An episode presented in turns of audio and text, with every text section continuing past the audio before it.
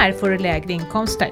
För många av oss är den första pensionsutbetalningen kanske runt 60% av lönen. För att klara ekonomin kan det då vara bra att inte ha så höga kostnader. Förr var det många som hade som mål att inte ha något lån kvar på huset när de blev pensionärer. Men när bostadspriserna blir högre, ja då kommer många av framtidens pensionärer att ha skulder kvar när de går i pension. Är det här något vi ska vara oroliga över? Och i så fall kan vi göra något åt det. Idag ska vi prata lån och pension med Swedbank och Sparbankernas privatekonom Arturo Arkes. Välkommen till min pensionspodden! Tack så mycket! Och så har vi ju Kristina Kamp här, hej! Hej, Ja. jag har varit med någon gång förut. Det har det varit. Ja. Och så jag också, har också varit med några gånger Ja. tidigare, Maria Eklund. Men du Arturo, vad gör du som privatekonom då? Ja, eh, som privatekonom så tittar jag på hur eh, till exempel då konjunkturen, penningpolitiken och finanspolitiken påverkar hushållens plånböcker. Räntor och sånt. Spännande! Bostadsmarknaden är ett sånt här specialområde, eh, pensioner är ett annat viktigt område och det här med sparande, till exempel placeringar på börsen och annat. Det är också sådana fokusområden som man som privatekonom jobbar med. Du jobbar ju då för Swedbank och Sparbankerna, men, men du har ändå en ganska oberoende ställning. Vi försöker hålla en, eh, en så objektiv och oberoende ställning som man kan ha som Ja. anställd Ja. på en bank. Men, men det är riktigt. Vi Ja. hette ju tidigare eh, Swedbanks privatekonomiska institut. Eh, men nu eh, heter det bara Swedbank privatekonomi och som privatekonom så har jag en ganska fri roll. Men samtidigt så är man ju som sagt anställd och vi har ju vissa fokusområden och de fokusområdena har ju banken naturligtvis varit med och haft synpunkter på. Både Swedbank och Sparbankerna och eh, det försöker jag då förena så bra som möjligt då. Och precis som storbankerna så har Swedbank och Sparbankerna då många privatkunder med lån. Ser ni någon ny trend? Skiljer sig skuldbördan åt för dagens och morgondagens pensionärer tror du? Ja, alltså, i takt med att vi får allt högre bostadspriser så med det följer ju då naturligtvis en högre skuldsättning. Och eh, jag tror att vi i framtiden kommer att få se att allt fler pensionärer kommer gå i pension med eh, bolånen kvar. Eh, äldre generationer har ju kanske haft som ambition och mål att eh, när man går i pension ska vara skuldfri. Men det tror jag kommer att bli allt ovanligare i framtiden. Just på grund av de höga bostadspriserna. Är det ens möjligt? Ja, nej precis. I, i, I storstäder som Stockholmsområdet så, så kommer det ju vara för normalinkomsttagare eh, stört omöjligt att eh, gå in i pensionsåldern med eh, eh, noll i bolån. Men jag som då är i 50-årsåldern, ska jag vara orolig? Som med allting annat här i livet, eh, man ska inte oroa sig onödan, men det är bra att vara medveten om de här frågorna, så att man har tid på sig att i så fall vidta åtgärder. Så, Jag menar, är det så att du vet att du kommer få en, en låg pension av olika skäl och att du har en hög boendekostnad, kanske delvis för att du bor för stort. Vi har ju många äldre som bor i småhus, för att ta ett exempel. Det kostar ju en hel del att bo i ett småhus i form av reparation, och underhåll och drift och sådär. Då kan det vara bra att i god tid eh, lösa boendet Just det. innan man har gått i pension. Många pensionärer, det hör man eller äldre, som säger att, att det blir nästan dyrare att flytta från sitt hus till en lägenhet. Ja, men, men jättebra att du tar upp det, för det är en myt. Är det en myt? Ja. Vad härligt. Det, det finns två myter den. som jag hoppas att vi får tillfälle att kanske gå in Mm. på. Jag har precis nyligen tillsammans med mina kollegor skrivit en rapport. Eh, och det var en väldigt omfattande rapport ska jag säga. Vi tittade på över, jag tror det var, det var över 40 kommuner och åtta stadsdelar i Stockholm också. Där vi tittade på vad, vad hade hänt om man hade köpt ett småhus, till exempel Borlänge eller Sandviken, för 20 år sedan, alltså 2001. Köpte det här huset med 85% belåning och eh, säljer det nu, 20 år senare, och köper en bostadsrätt på tre rum och kök. Och då visar det sig att om man då har amorterat 2% på det här bolånet, det ursprungliga bolånet på småhuset, och begär maximalt uppskov, då behöver man inte låna någonstans.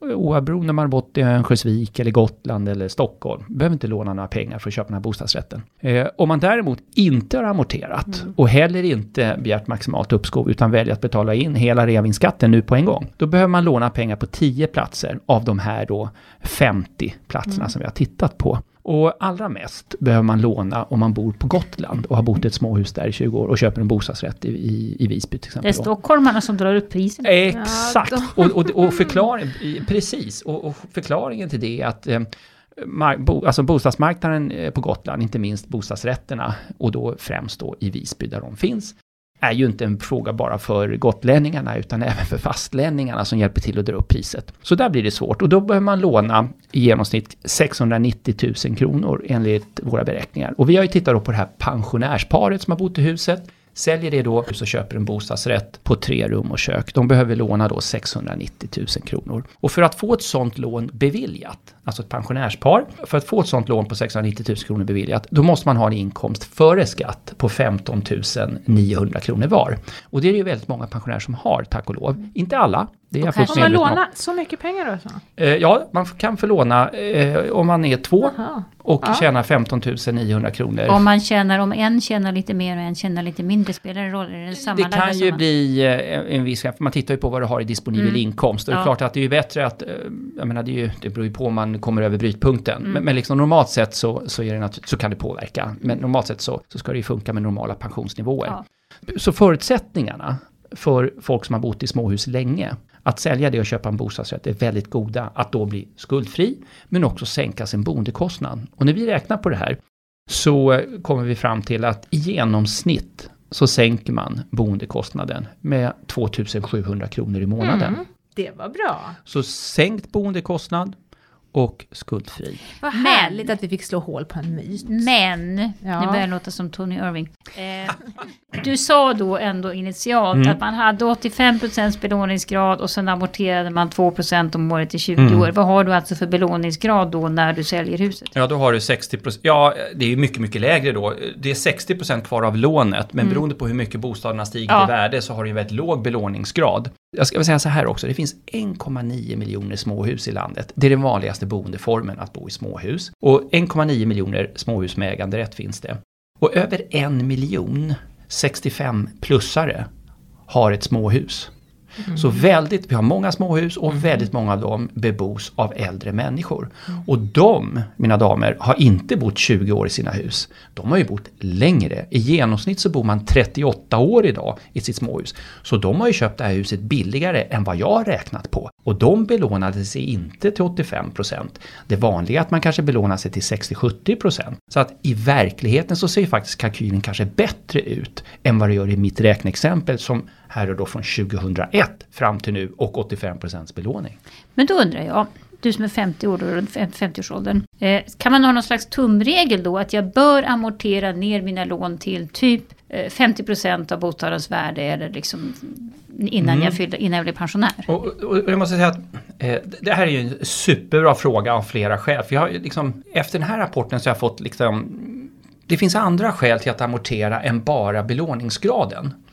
För normalt sett hade jag bara tänkt på det här med belåningsgraden då och foka på det. Men som pensionär, eftersom jag får mycket lägre inkomst, så är det ju också av betydelse hur mycket pengar, det du var inne på, hur mycket pengar har jag med mig och kan lägga in i kontantinsats i den nya bostaden? Och det är klart att även om jag har en låg belåningsgrad så är det inte säkert att det är check på den frågan. För det handlar ju om hur mycket behöver jag för att köpa den här lägenheten? Och det är klart, har jag amorterat väldigt mycket, ja då kanske jag inte behöver låna, låna någonting alls. Eh, och även om jag har en belåningsgrad då på kanske 40 eller 50 procent där det inte finns något amorteringskrav, så får jag inte loss tillräckligt mycket pengar efter att jag sålt lägenheten, löst det gamla bolånet och ska köpa det nya. Och behöver låna så mycket att jag får neja banken. Så att det, det är ytterligare ett argument till varför det är bra att amortera. I synnerhet om du ska snart bli pensionär och gå ner i inkomst. Därför att du måste kunna klara av att passera liksom, kreditprövningen på banken. Så att amortera, det är sunt. Det gör man för sin egen skull. Det sänker boendekostnaden och ökar dina möjligheter att låna pengar i framtiden.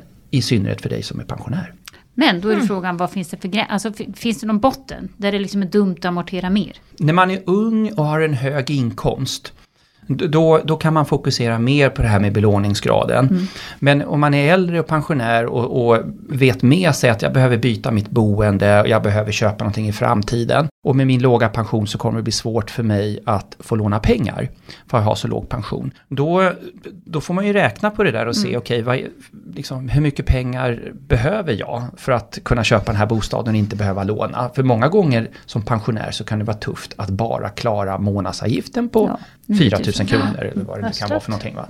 Så att liksom, det ska man ha respekt för. Så att det är svårt att ge ett generellt Nej. svar på din fråga Kristina. Men, men jag skulle bara säga att fokusera inte bara på belåningsgraden. Nej. Man måste räkna i kronor och ören. Vad har jag för framtida boendekostnad på mitt framtida boende på två rum och kök eller tre rum och kök? Men du kan ju samtidigt säga då att okej, det kanske inte är så smart att vara helt och hållet skuldfri. Men det kan ju inte heller vara jättebra att liksom ha en belåningsgrad på 85% när du liksom är 58. Nej, och i synnerhet om du vet att eh, du ska sälja bostaden, mm. du ska köpa en mindre och billigare bostad för då sker ju en reducering. Även om du kan begära maximalt uppskov så är det så att möjligheten att få uppskov reduceras ju då om du köper ett billigare boende. Ja. Det här med att du kan eh, skjuta hela reavinstskatten på framtiden det bygger på att du köper en större och dyrare bostad. Mm. Eller en mm. dyrare bostad ska jag säga. Och i det här fallet när vi pratar den här målgruppen då är det ju oftast i praktiken då en mindre billigare bostad. Men då undrar jag igen, nu, nu, tänker jag som politiker. Politiker vill ju gärna att gamlingarna ska flytta ut från sina hus. Mm. till något mindre. Ja. Men om man då så att säga hindrar dem genom att säga att då får du inte liksom lika mycket uppskov på dina lån. Mm. Eh, borde man ändra något här?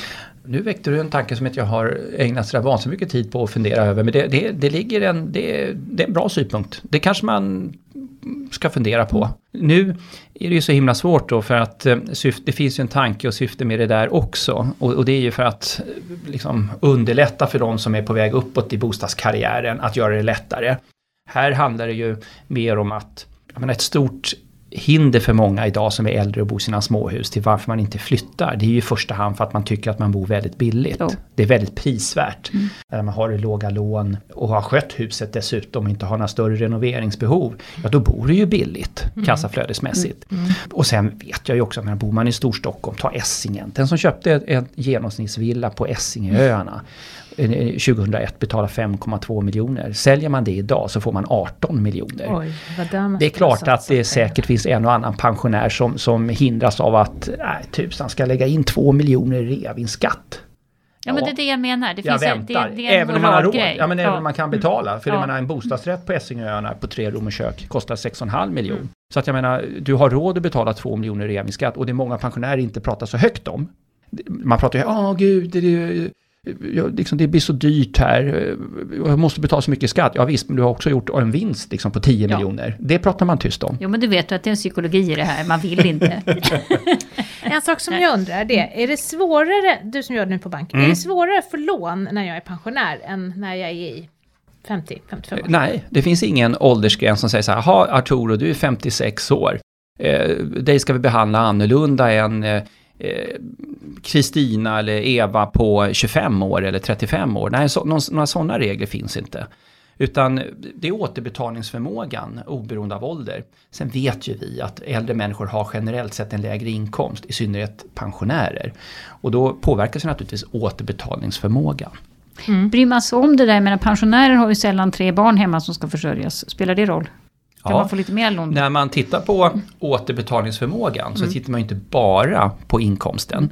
Utan man tittar då på försörjningsansvar, eh, andra skulder. Mm. Så det är en, en mängd olika, och andra tillgångar kanske också. Eh, men framförallt återbetalningsförmågan i form av inkomst och, eh, och eh, utgifter. Och har man då andra lån, ja då har man ju utgifter som banken behöver ta hänsyn till. Har man ett försörjningsansvar med tre barn eller vad det nu kan vara för någonting, ja då har man ju ett försörjningsansvar. Mm. Och då minskas ju återbetalningsförmågan. Mm. Och mm. kreditbeloppet som du kan låna. Mm. Hur ser seniorlånen ut då? Är det något speciellt med dem eller är de som vanliga lån? Ja, vi, vi precis som alla storbanker idag har ju tagit bort det här med seniorlån. Om vi nu menar med seniorlån den här möjligheten att du tar ett lån med bostaden som säkerhet mm, och sen så behöver du inte betala någon ränta utan det kapitaliseras mm, och läggs mm. som en skuld och så blir det en omvänd ränta på ränta effekt. Och sen den dagen som bostaden avyttras, då betalar man in. Och det där var en del debatt om för några mm. år, eller för ett mm. antal år sedan och diskuterade. Så jag var också tveksam till det där och var väl en av de som bidrog till att vi tog bort det där från vårt produktsortiment. Även om det inte är min fråga som mm. privatekonom, för jag har ingenting med affären att göra. Men ett objektivt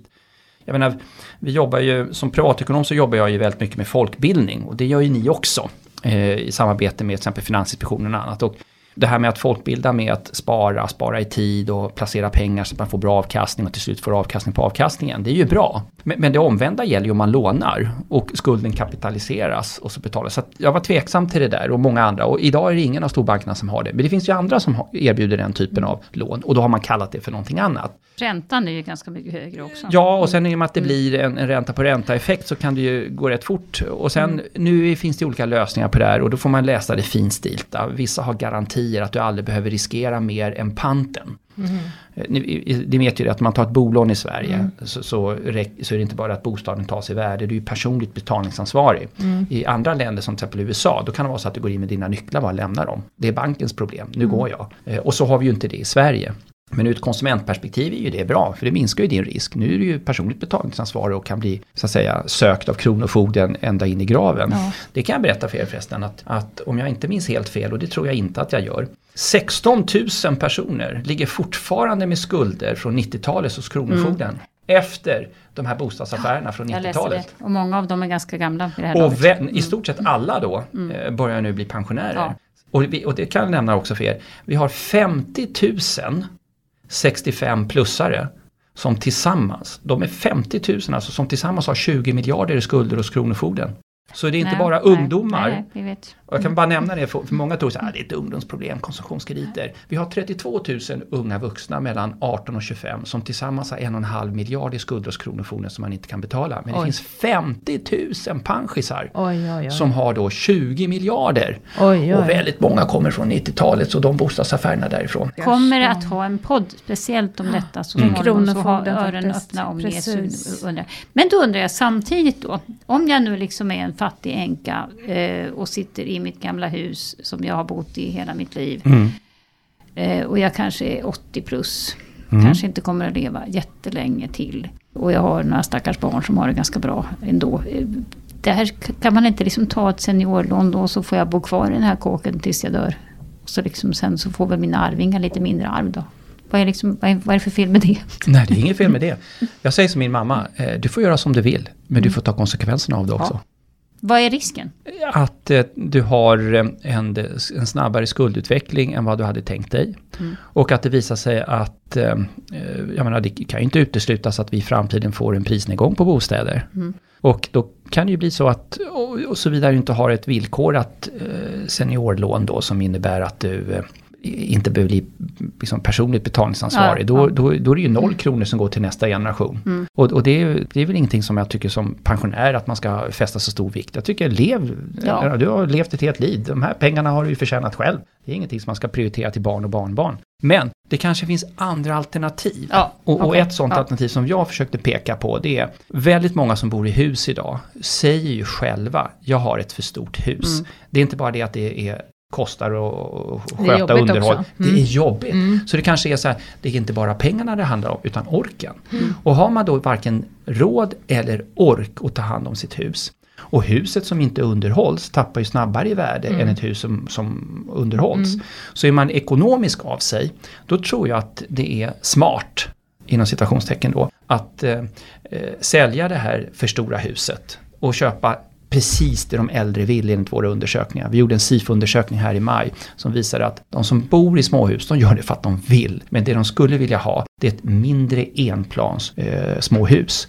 Och det finns inte så många av Nej.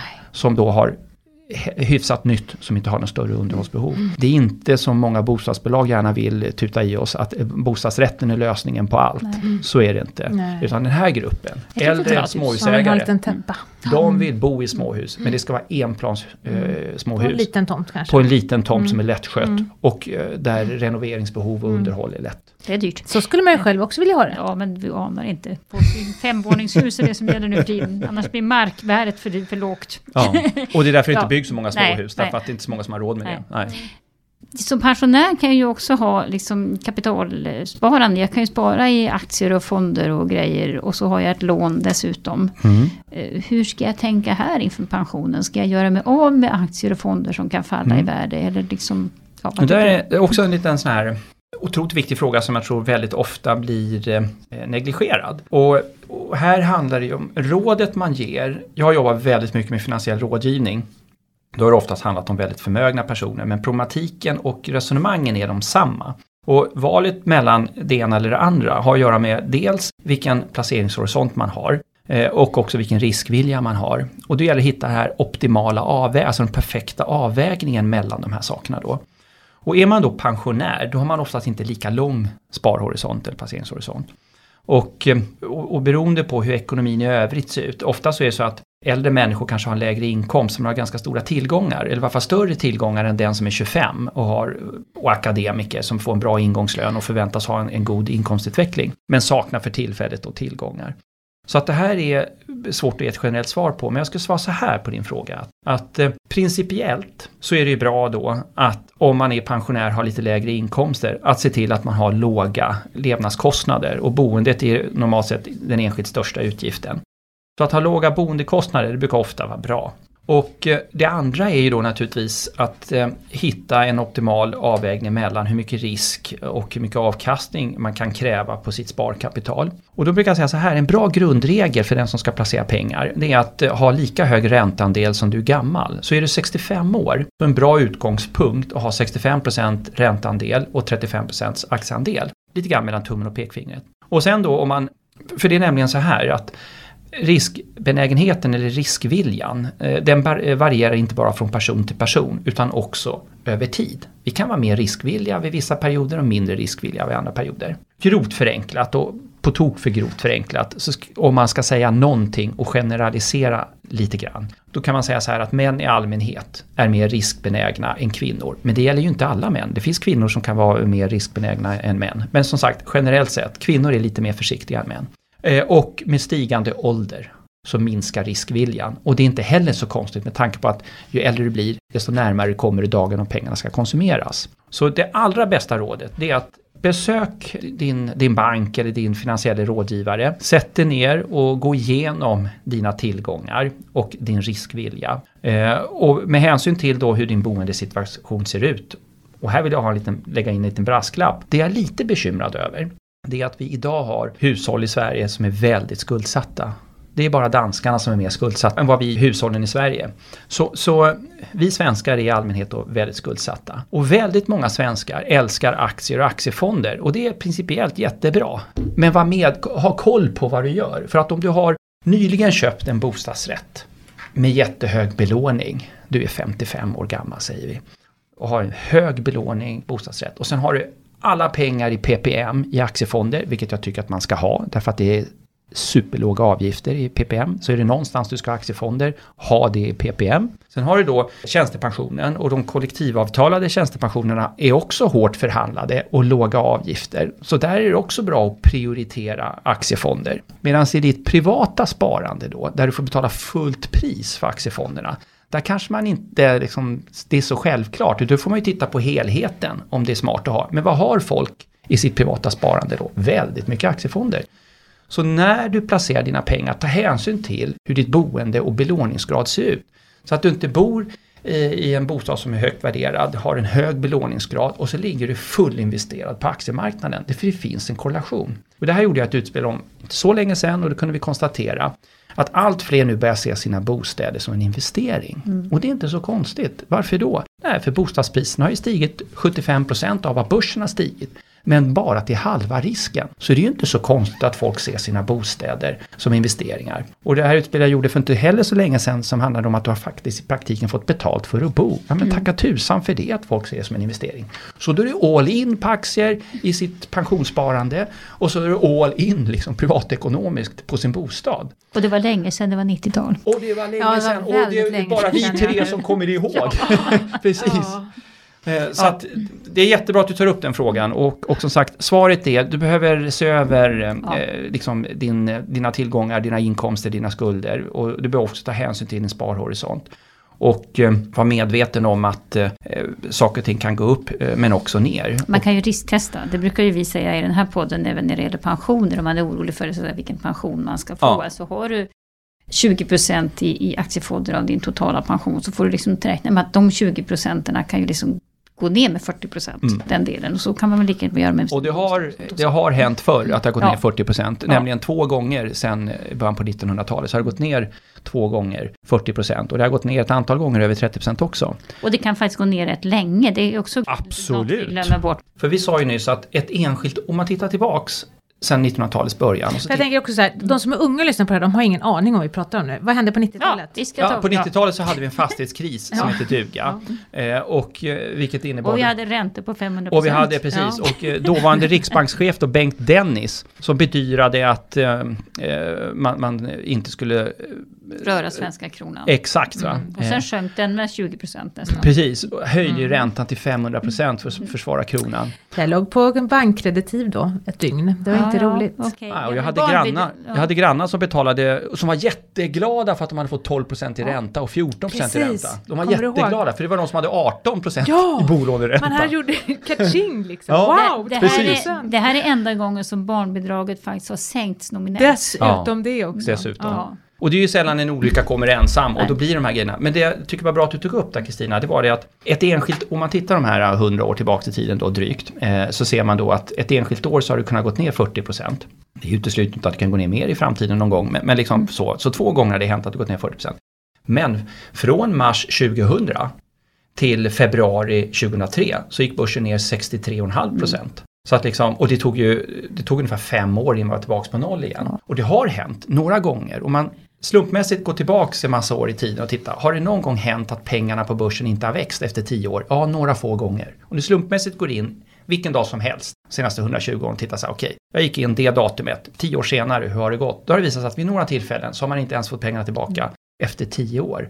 Det är därför jag brukar säga att ska du in på börsen, ha en lång sparhorisont.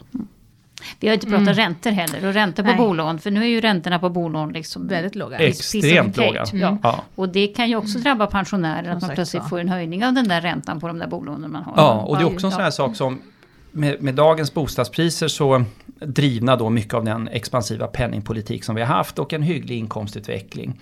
Så, så kan man ju, och den här enorma bostadsbristen då som vi har haft på många orter.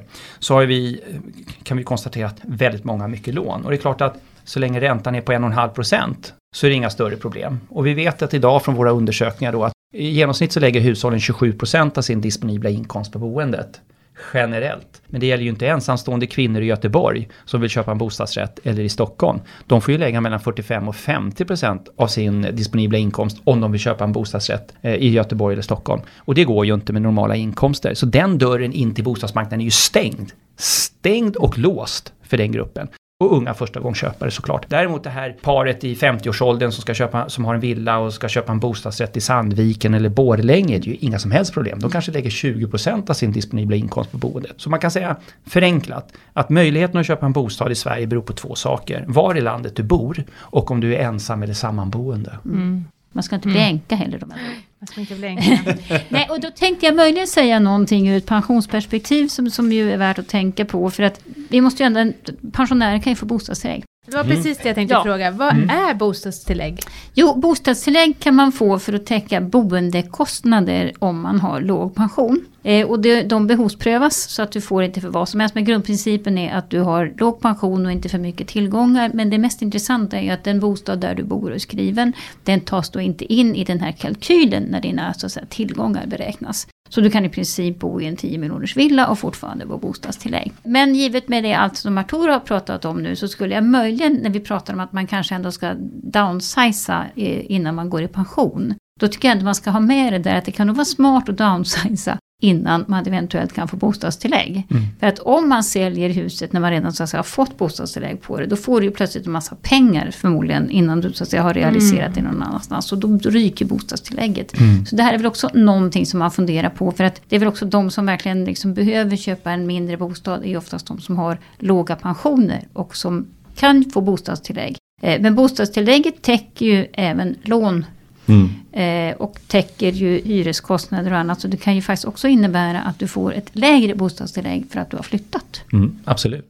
Samtidigt ska vi komma ihåg att det finns ju ett tak. Och det här Ja. taket har man nu precis eh, från regeringens sida då presenterat att man vill höja då. då. Ja.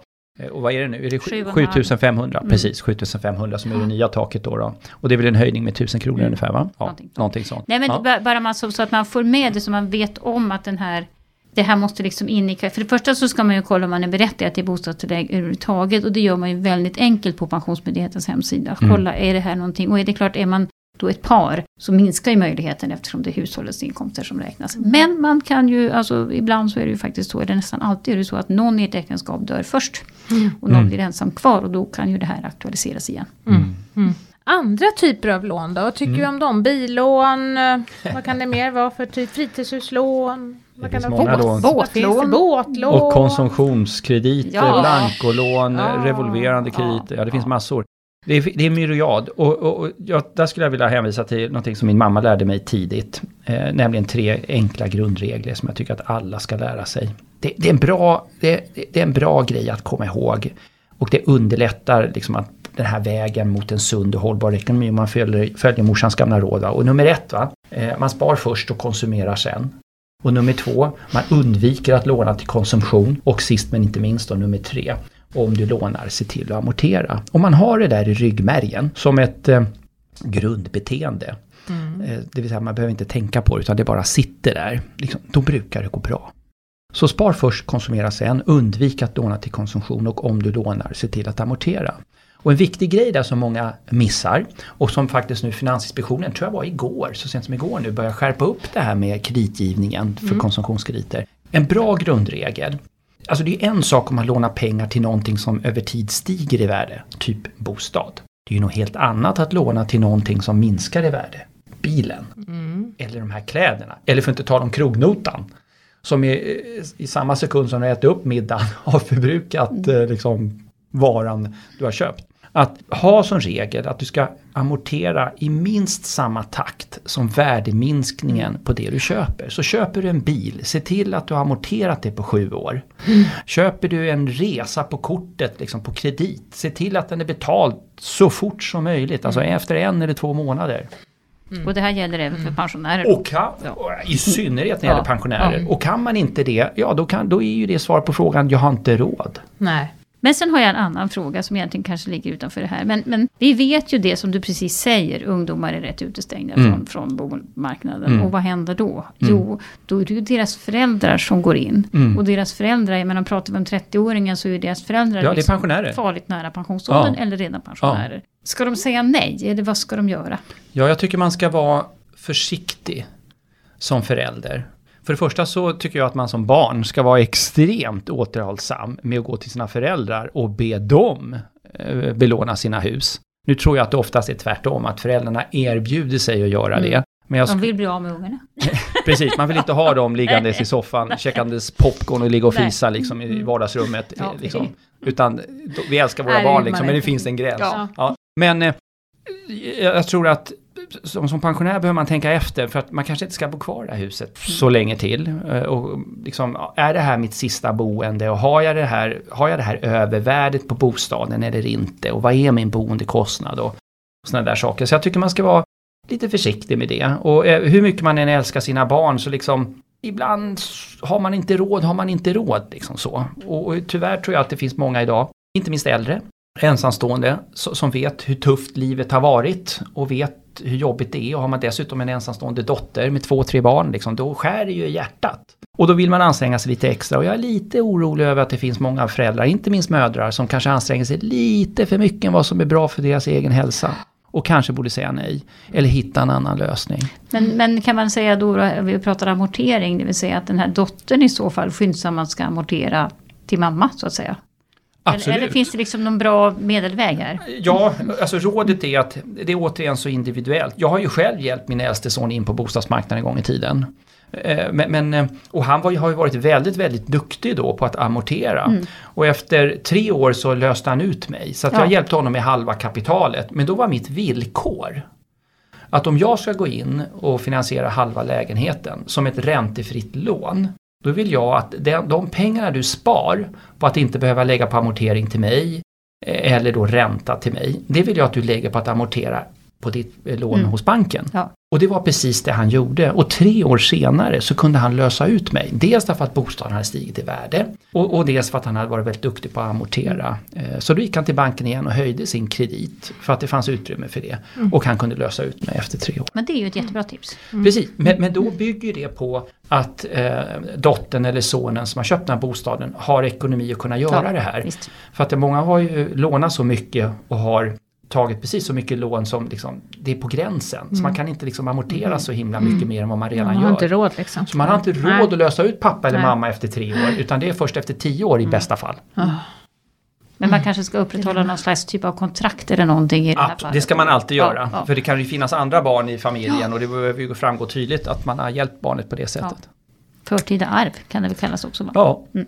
Ja. Ja. men då ska man ha råd med det Ja, då. vet. Som förälder. Ja. Men jag tror att många slåss med de här frågorna. det tror Absolut. jag med. Och så kanske grannen kan men man själv inte kan. Ja. Och då blir det ännu jobbigare. Mm. Mm. Ja. Har vi uttömt detta ämne nu? ja, vad har vi missat Arturo? Jag tycker inte vi har missat någonting. Jag tycker att vi har tagit upp eh, frågor som eh, jag tror väldigt många av era lyssnare eh, funderar på och som är superaktuella. Och som sagt, tyvärr kanske inte har ett eh, självklart svar alla gånger eftersom eh, förutsättningarna kan variera så mycket mellan de olika lyssnarna. Men jag tror att grundtipset och grundrådet är att ta tag i de här frågorna. Mm. Skjut, sopa inte det under mattan, utan ta tag i det i tid. Precis, ta Mm. tag i det i tid. Mm. För ju tidigare du tar tag i saker och ting, desto större sannolikhet att du kan hitta en bra lösning. Det är mycket bättre att göra någonting som är väl genomtänkt och planerat Mm. än eh, med kniven mot strupen under press och stress. Men det känns Sant. ju också som det här gamla rådet att se till att du är skuldfri när du är pensionär. Det är ingenting, man behöver inte ha ångest om man har lite bolån när man blir pensionär.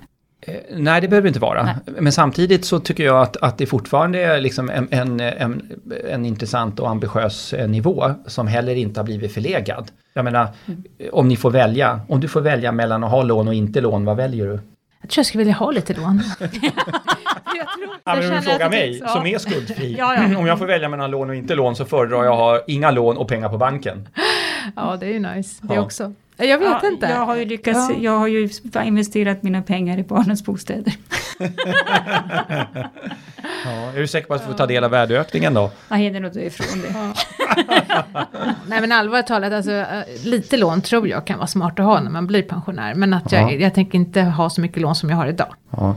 Och, och vad skulle argumentet vara till att du vill ha lite lån? Är det för att du ska kunna jag tror... lägga pengarna på börsen istället? Ja. Ja. Ja. Men då gäller det, och det är helt okej eh, att göra det, men då ska man vara liksom medveten om det. Att eh, jag väljer att, istället för att bli skuldfri på min bostad, så, så väljer jag att ha 20-30% belåningsgrad på bostaden och sen har jag istället 400 000 på börsen. Det kan man väl ha. Ja. Men då ska man vara medveten om vad det innebär. Ja.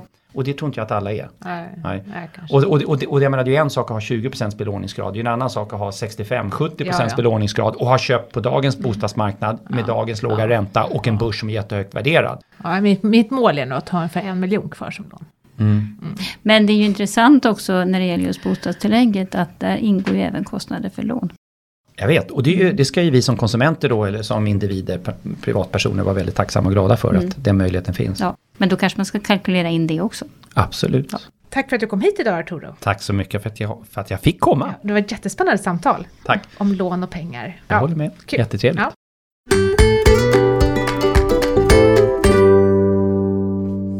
Då har vi kommit fram till dagens fråga Kristina och den kommer från Dag. Han har lyssnat på avsnitt 145 där vi intervjuade Stefan Oskarsson och då sa du Kristina att 50-talisterna tillhör loser-generationen och då undrar Dag, vad menar du med det? Jag tror till och med att Stefan Oskarsson och jag enades om detta. Med Eh.